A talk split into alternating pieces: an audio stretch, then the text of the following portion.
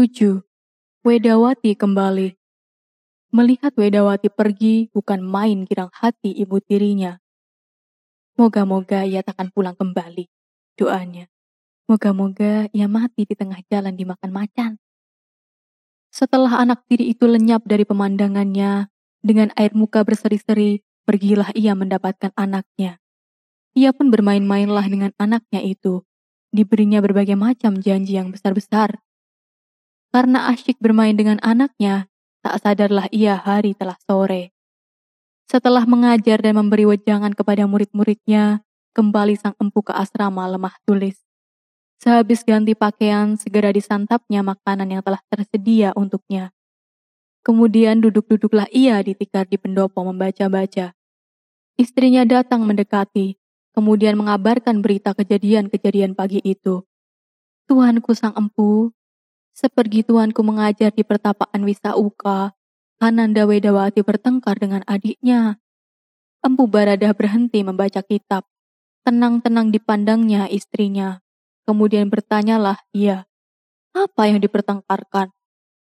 Bunga, jawab istrinya. Masa bunga begitu banyak dipertengkarkan? Ujar sang pendeta. Begitu banyak bunga di taman. Benar tuanku, kata istrinya. Setelah bertengkar ia pergi meninggalkan rumah.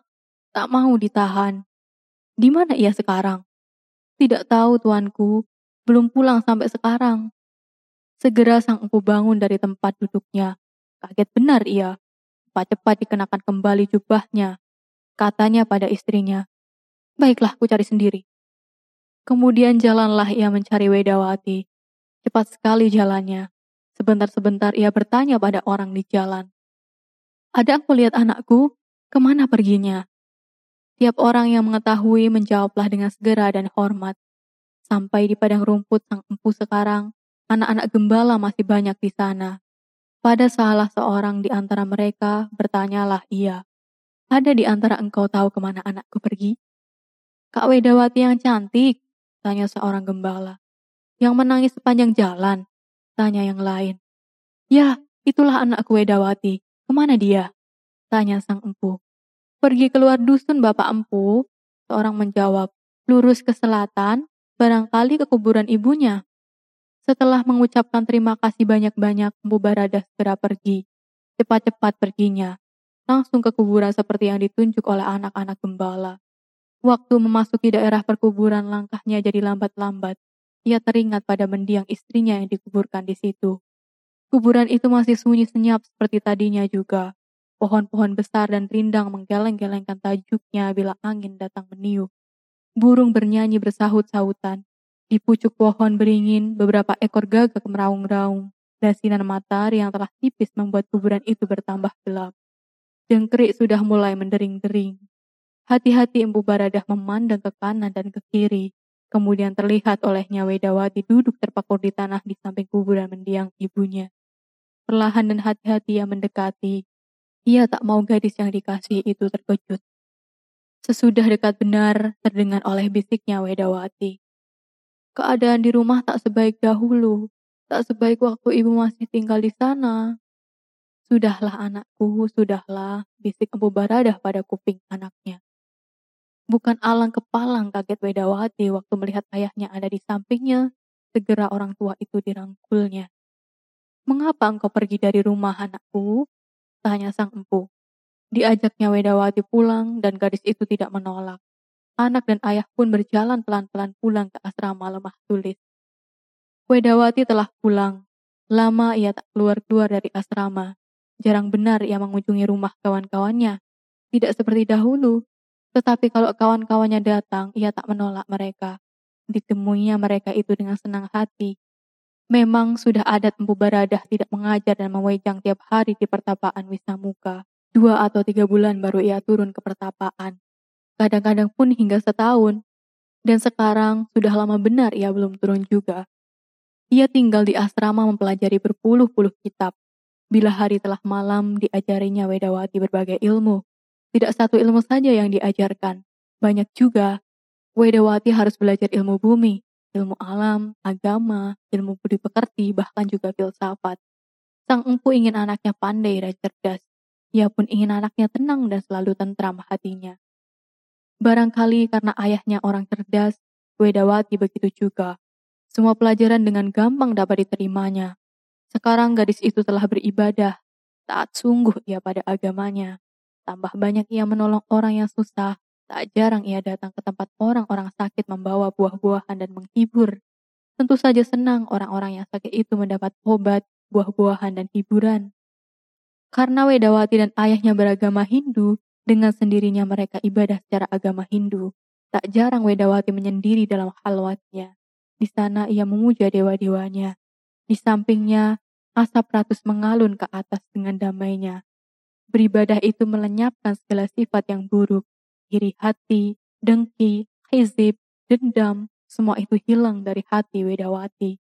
Wedawati adalah gadis yang cantik, penolong dan saleh. Kedelapan, Raja membutuhkan bantuan sang pertapa. Penyakit tambah menghebat. Ratusan orang mati tiap hari. Tak sempat lagi orang menguburkan kerabat atau sahabat yang meninggal. Mayat tergolek-golek di sepanjang jalan, di dalam rumah, di sawah, bahkan di dekat-dekat istana demikian pula. Bukan main amarah sang baginda melihat kesengsaraan rakyatnya, disebabkan oleh kejahatan beberapa orang saja itu. Tetapi apa dayanya? Bala tentaranya yang kuat dan pernah menaklukkan berbagai negeri tak bisa melawan tukang sihir yang bersenjatakan sihirnya. Tak habis-habis ia memikirkan bagaimana dapat membinasakan calon arang beserta murid-muridnya. Hampir dari tiap rumah terdengar tangis mengiba-iba. Saban hari ada orang-orang yang masih sehat berduyun-duyun ke candi dan berdekunglah doa memohon keselamatan dari para dewa. Saban hari terdengar rintih kesakitan dan tangis serta jerit kesedihan dan ketakutan. Banyak orang mengungsi meninggalkan daerah-daerah yang sudah diserbu oleh penyakit.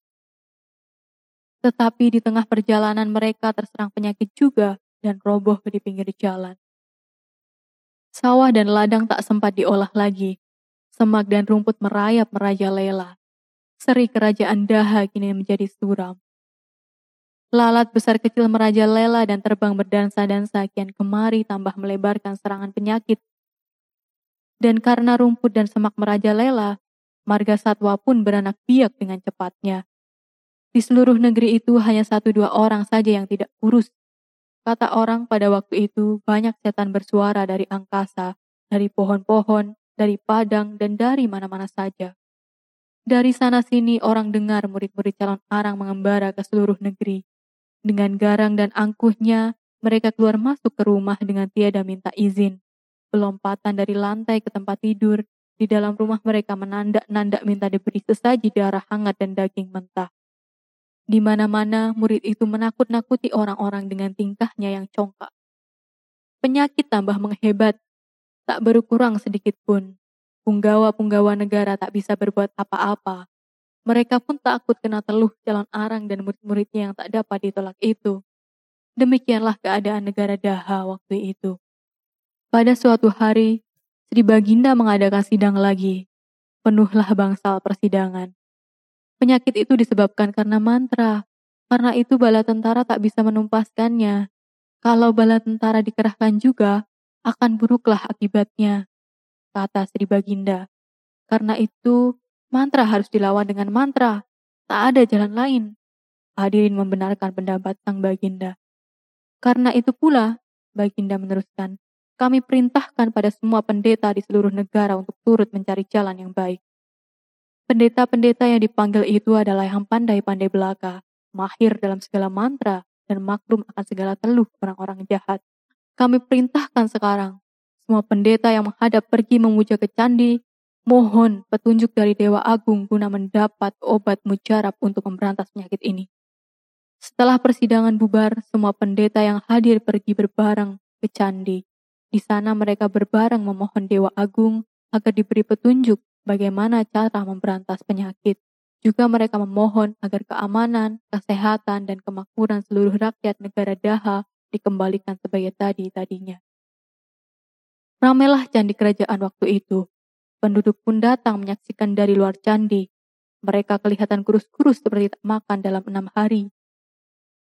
Di dalam candi, para pendeta berbareng bersemedi.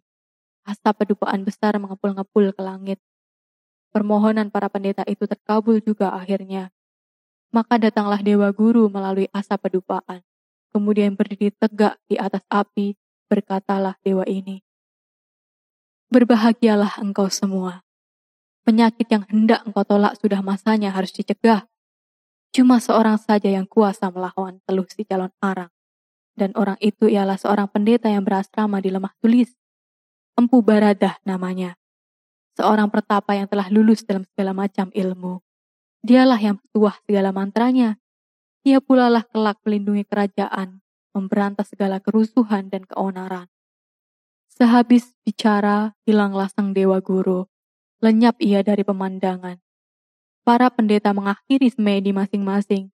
Segera mereka menghadap Sri Baginda dan melaporkan hasil pekerjaan. Segera Sri Baginda Raja memerintahkan kanduruan banyak ia menasihati Kanduruan agar bersikap hormat pada Empu Barada dan menghadap benar-benar agar pendeta yang mulia itu segera sudi turun tangan menghancurkan seluruh penyakit. Setelah habis perintah Sri Baginda, Kanduruan cepat-cepat melompat ke atas kudanya diiringkan pasukannya.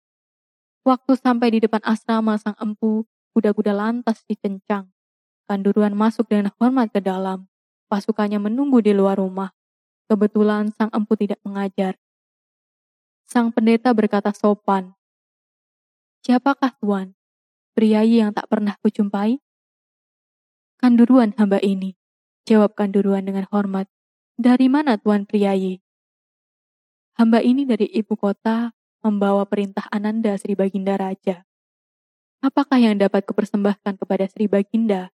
Tanya sang pendeta. Paduka tuanku diharapkan oleh Sri Baginda Sudi datang ke Daha untuk membatalkan teluh calon arang. Siapa itu calon arang, priayi? Tanya sang empu. Itulah janda dari desa Girah. Dia tukang sihir yang manjur teluhnya. Telah banyak penduduk meninggal karena tingkahnya. Ujar kanduruan. Apakah sebabnya janda dari Girah itu marah-marah, priayi? Tanya sang empu pula. Ia beranak seorang perempuan. Ia beranak seorang perempuan. Sampai sekarang tak ada yang mau memperistri anaknya itu. Itulah sebabnya ia marah-marah dan setelah memperbaiki duduknya, Kanduruan meneruskan. Tidaklah buruk anaknya itu, cantik bukan kepalang. Kata orang Ratna Manggali namanya. Apakah jawabnya yang dapat hamba sembahkan kepada Sang Baginda Raja Maha Empu? Jadi itulah yang menyebabkan. Hmm, kata Sang Baradah pada dirinya sendiri. Sangat pelan katanya itu. Kemudian suaranya dikeraskan. Baiklah, Priayi, Tuan lebih baik segera kembali menghadap Sri Baginda. Sembahkan pada Baginda bahwa aku, Empu Baradah sanggup membatalkan teluh janda dari kirah yang bernama calon arang itu. Sembahkan juga bahwa penyakit pasti akan tumpas dan rakyatnya akan hidup aman kembali. Tetapi, Panduduan mengangkat dan memandang sang empu. Waktu melihat Baradah akan meneruskan ucapannya, ia menundukkan kembali. Haruslah dikerjakan oleh sang baginda dengan jalan apa pun juga yaitu terlebih dahulu Ratna Manggali harus dijodohkan. Dengarkanlah baik-baik priayi, aku punya murid, Empu Bahula namanya. Sekarang ia juga di sini. Kawinkanlah dia dengan Ratna Manggali. Segala ongkos upacara perkawinan dan emas kawin baiklah Sri Baginda yang memikirkan. Aku harap itu dikerjakan dahulu sampai beres sama sekali. Jangan tidak, priayi. Jangan sampai Sri Baginda terlampau sedikit menyediakan harta benda untuk itu. Setelah pembicaraan habis, utusan Baginda dipersilakan beristirahat di pondok. Di sana mereka dijamu dengan berbagai penganan dan makanan serta buah-buahan. Serba lengkap, juga segala macam minuman yang terdapat di dusun lemah tulis yang segar dan sedap. Giranglah semua yang dijamu. Waktu masa mengasuh sudah habis, berangkat lagi utusan itu membawa Empu Bahula. Berita tentang kesanggupan Empu Baradah disambut dengan sorak kegirangan di mana-mana. Di alun-alun Daha, utusan itu disambut dengan seruan gegap gempita. Para prajurit membunyikan sengkakala dan segala tabuh-tabuhan. Hari itu berseri-seri lagi penduduk Daha. Kesembilan, Wedawati jadi gadis pertapa. Telah lama tidak mengajar dan mewejang di pertapaan Wisamuka, pada suatu hari berkatalah sang empu pada istrinya, Hari ini aku akan turun ke pertapaan. Segera istrinya menyediakan jubah sang empu. Selain jubah juga terompah dan selendang penutup leher. Setelah selesai berpakaian, berangkatlah Empu Baradah. Di sepanjang jalan ia mendapat penghormatan dari orang-orang yang lewat. Hari masih pagi waktu itu. Matahari masih tertutup oleh pohon-pohonan. Kambing-kambing belum lagi digembalakan. Sapi dan kerbau baru dibawa ke kali untuk dimandikan. Embun masih tebal di udara, dan rumput di tanah masih basah kuyup. Empu Baradah berjalan bergegas. Ia selalu berjalan bergegas. Sekalipun sudah tua, ia masih kuat.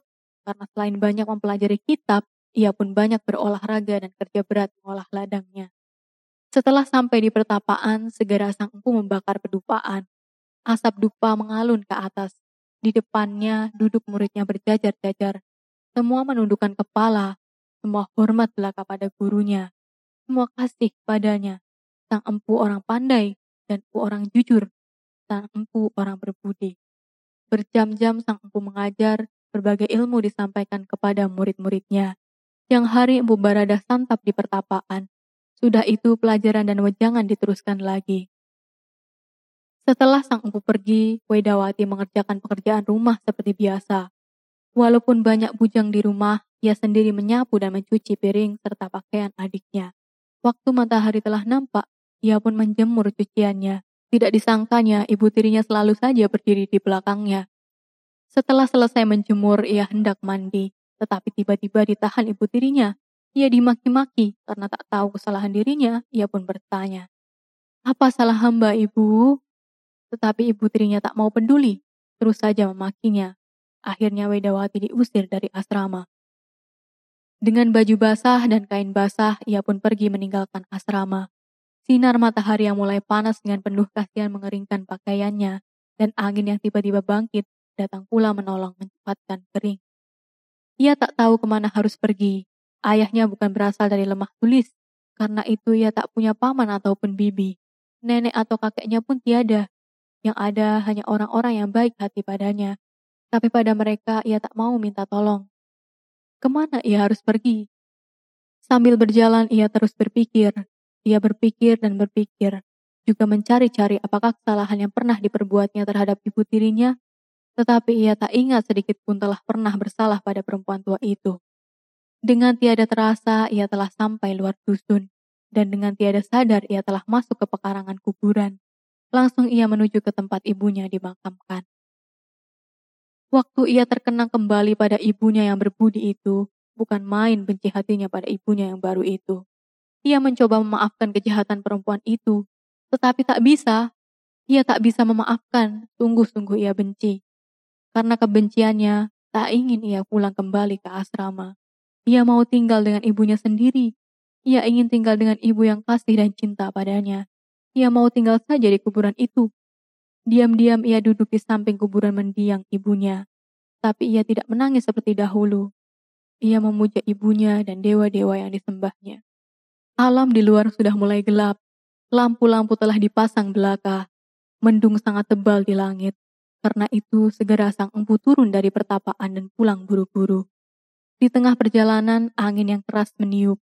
Mendung yang tebal diusir belaka oleh angin. Langit kembali cerah dan sang empu terus saja berjalan. Sampai di asrama lemah tulis, hari telah petang. Untung benar mendung tadi tak jadi turun hujan. Segera sang empu memanggil-manggil anaknya yang sulung. Wati, Wati, ayah minta selop nak. Tetapi Wedawati tidak menyahut. Berulang-ulang ayahnya memanggil, tetapi anaknya tetap tak menjawab. Istrinya sedang di ladang mengambil sayuran. Ia mendengar juga suara suaminya, tetapi ia berdiam diri pura-pura tak dengar. Wati, Wati, anakku manis, di mana engkau? Sedang mengapa? Juga tak menjawab. Bujang-bujangmu tidak menjawab. Mereka semua ketakutan. Tak seorang pun di antara mereka berani mengatakan apa yang telah terjadi pagi tadi. Terpaksa sang empu mencari sendiri selopnya. Kemudian ia turun dari rumah dan melihat-lihat ke sana kemari. Dilihatnya bujang-bujang bekerja seperti biasa. Tetapi ia lihat juga semua mereka ketakutan. Yang lelaki juga, yang perempuan juga. Sang empu berpikir sebentar, kemudian tahulah ia bahwa sudah terjadi sesuatu di rumahnya. Di mana anakku Wati? Tanya pada seorang bujang. Ampun tuanku, hamba tidak tahu. Sudah lama dia pergi. Sang empu bertanya lagi. Itu pun hamba tidak tahu tuanku, jawabnya. Perlahan-lahan Empu Baradah masuk kembali ke dalam rumah. Tenang-tenang ia duduk di tikar di pendopo menunggu kedatangan istrinya. Waktu istrinya datang, ia diam-diam duduk termenung di tikar. Tuanku, kata istrinya. Sang empu tetap menunduk. Tuanku, ulang istrinya. Tadi Ananda Wedawati berkelahi lagi dengan adiknya. Kemudian dengan marahnya ia pergi. Hamba tak tahu ke mana ia, sampai sekarang belum lagi pulang. Diam-diam sang engku bangun dari duduknya. Tenang-tenang ia kenakan jubah dan pakai terompah. Melihat sang empu berdiam diri saja, istrinya menjadi kecut. Ia tak berani berkata-kata lagi. Waktu empu Baradah meninggalkan rumah diikutinya dari belakang. Kemudian sang empu diiringkannya dengan pandang sampai tak kelihatan lagi. Dengan bimbang ia masuk ke dalam rumah. Ia merasa ketakutan dan cemas. Segera dicarinya anaknya. Setelah bertemu, diajaknya bermain-main dan dalam bermain itu lupalah ia pada ketakutan dan kecemasannya. Bergegas-gegas pendeta itu berjalan. Ke mana lagi ia kalau tak kuburan ibunya? Pikirnya. Sekarang ia tak tanya lagi pada siapa pun ke mana anaknya pergi. Selain itu, memang tak ada orang tempat bertanya lagi. Dusun sudah sunyi, anak-anak gembala telah pulang ke rumah masing-masing, dan petani-petani telah berangkat ke sawah siang tadi untuk menjaga tanamannya di malam hari supaya jangan dirusak celeng. Sampai di kuburan, segera ia ke tempat makam mendiang istrinya, dan betullah di sana didapatinya Wedawati sedang memuja. Hati-hati ia duduk di samping anaknya, pelan-pelan ia hibur. Anakku manis, buat apa engkau meninggalkan rumah? Engkau membuat aku bersedih hati. Mari pulang anakku. Wedawati menggelengkan kepala. Ia tak mau pulang lagi. Ia tak ingin hidup bersama ibu tirinya. Karena tak mau menyusahkan orang lain, ia pun tak sudi bila disuruh tinggal di tempat orang lain. Lama Empu Baradah mengambil hati anaknya, tapi Wedawati tak mau mengubah pendiriannya. Lama juga ayah itu mengusap-usap rambut dan bahu anaknya. Wedawati tetap tidak peduli. Sudah lama juga sang pendeta itu memberi nasihat. Banyak juga pelajaran disuarakannya. Tidak, Wedawati tetap tak mau ikut pulang. Mengapa engkau hendak menyedihkan hati ayahmu, Wati? Ayahanda, kata Wedahati sopan, hamba sudah berniat tinggal di kuburan ini. Hamba tak ingin pulang. Kalau engkau tinggal di sini anakku, angin, hujan, panas, dan dingin udara itu akan membuat engkau tidak sehat. Ayahnya menasehati lagi. Biarlah hamba sakit ayahanda, biarlah hamba sakit. Jawab Wedawati. Mengapa engkau menyedihkan hatiku, Wati? Tanya sang pendeta. Bukanlah maksud hamba menyedihkan ayah, kata Wedawati pula. Kalau hujan turun dan udara dingin, biarlah hamba sakit, biarlah hamba lenyap. Kalau hamba lenyap dari muka bumi, tak adalah yang dengki terhadap diri hamba yang indah ini. Siapa yang dengki padamu, anakku? Tanya sang. Wedawati tak menjawab. Engkau berkelahi dengan ibumu, Wati? Tanya sang empu lagi. Wedawati tetap tak mau menjawab. Semua orang kasih dan sayang padamu, anakku, marilah pulang. Gadis itu tak mau juga pulang. Sekarang malam telah datang. Karena Wedawati tak juga sudi pulang, terpaksa sang pendeta menunggui anaknya di kuburan. Dia memuja pada dewanya agar diubahnya niat anaknya itu. Tetapi pemujaannya tidak bermanfaat sama sekali. Wedawati tetap pada niatnya. Di waktu fajar menyingsing dengan bergegas sang pendeta pulang ke susun. Di sana ia memanggil penduduk laki-laki yang telah dewasa supaya berkumpul. Mereka itu murid-muridnya juga. Anakku semua, ujar sang pendeta. Karena anakku Edawati tak mau pulang dari kuburan, aku minta agar engkau semua dengan rela hati sudi mendirikan rumah di pekarangan kuburan untuk anakku. Orang-orang mengatakan studi dengan patuhnya. Mereka semua ingin turut membantu mendirikan rumah itu. Pada hari itu juga ramailah orang-orang mengangkati tiang dan papan serta batu-batu ke kuburan. Wedawati tak juga berkisar dari samping kuburan ibunya. Ia tetap tenang melihat orang banyak membuat rumah di pekarangan kuburan itu. Kadang-kadang saja ia memandang mereka dari tempat duduknya. Gadis itu tetap sehat. Hawa dingin semalam dan embun sepagi tak kuasa membuat dirinya sakit. Tanah basah di bawahnya pun tak mengurangi kesehatannya. Ribut orang bekerja tak menarik perhatiannya. Dahulu senang ia melihat orang bekerja tetapi sekarang tidak. Dengan semangat gotong royong, orang-orang bekerja dengan giat. Dalam waktu sebentar, tiang-tiang dan palang-palang telah terpasang. Waktu sang empu datang lagi pada anaknya, nampak ia bersedih hati. Kalau sudah tetap niatmu anakku, katanya perlahan, untuk tinggal di kuburan, sebaiknya engkau tinggal di rumah yang aku suruh buat itu. Wedawati tidak menjawab, juga ia tak menoleh ke arah orang-orang yang sedang sibuk mendirikan rumah. Dan ini ibu berkirim makanan. Jangan kau biarkan kosong perutmu di hawa dingin seperti semalam. Ibumu bilang, sejak kemarin pagi engkau belum makan. Wedawati tak juga mau bicara. Hari itu juga rumah telah berdiri di pekarangan pekuburan. Berloteng rumah itu dengan kasih sayangnya sang pendeta memegang tangan anaknya. Wedawati didirikan dan gadis itu tidak membantah. Lambat-lambat mereka berjalan ke arah rumah yang sudah jadi itu. Bawa semua perkakas rumah yang terbaik kemari, juga perkakas pertanian dan perkakas dapur. Beberapa orang pergi menjalankan perintah sang pendeta, dan hari itu juga rumah pun telah lengkap berisi perkakas dan dapat didiami. Sekarang Wedawati tinggal di pekarangan pekuburan. Saban hari membersihkan kuburan ibunya. Sesudah itu baru mengurus rumah serta perabotannya dalam beberapa bulan saja pekuburan itu sekaligus berubah jadi taman bunga yang indah. Tiap hari Wedawati memuja di samping kuburan ibunya. Di sana ia beribadah pada arwah orang yang kasih sayang dan cinta padanya, dan juga pada semua dewanya. Sampai sore ia bekerja, tak dibiarkannya rumput tumbuh merusakkan kuburan ibunya. Saban hari sang pendeta datang membawa weda-weda dan mengajarkan pada anaknya berbagai ilmu yang patut diketahui setiap orang dan bila berhadapan dengan ayahnya, tak pernah gadis itu bertanya tentang ibu, tentang adik, tentang asrama. Ia tak bertanya apa-apa selain tentang pelajarannya. Kalau ia bercerita pada ayahnya, ia hanya bercerita tentang kuburan dan suburnya bunga-bunga yang tumbuh.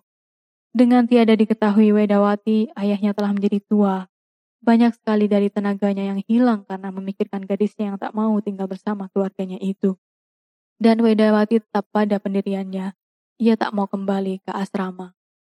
Sekarang banyak orang datang untuk melihat kuburan yang telah jadi taman yang indah. Orang-orang tercengang-cengang melihatnya. Di dusun tak ada taman seindah itu. Di asrama sang pendeta pun tidak. Kupu-kupu aneka macam bertebangan girangnya. Dan di tengah-tengah semua itu sebuah rumah kecil yang indah sekali berdiri dengan damai. Banyak orang datang mengagumi taman. Juga banyak yang datang untuk melihat Wedawati memuja di samping kuburan ibunya. Semua memuji ketabahan gadis itu. Semua menyalahkan ibu tiri yang kejam itu, mengatakan mereka tidak berani karena takut kena hukuman dewa-dewa dan sang pendeta sendiri. Dalam sebentar waktu telah tersiar ke seluruh dusun itu kebagusan taman perkuburan. Kabar itu pun tersiar keluar dusun lainnya. Dengan demikian, tambah lama makin banyak orang datang melihat Wedawati mereka menganggap gadis itu telah jadi pertapa pula. Demikianlah keadaan Wedawati, gadis pertapa itu.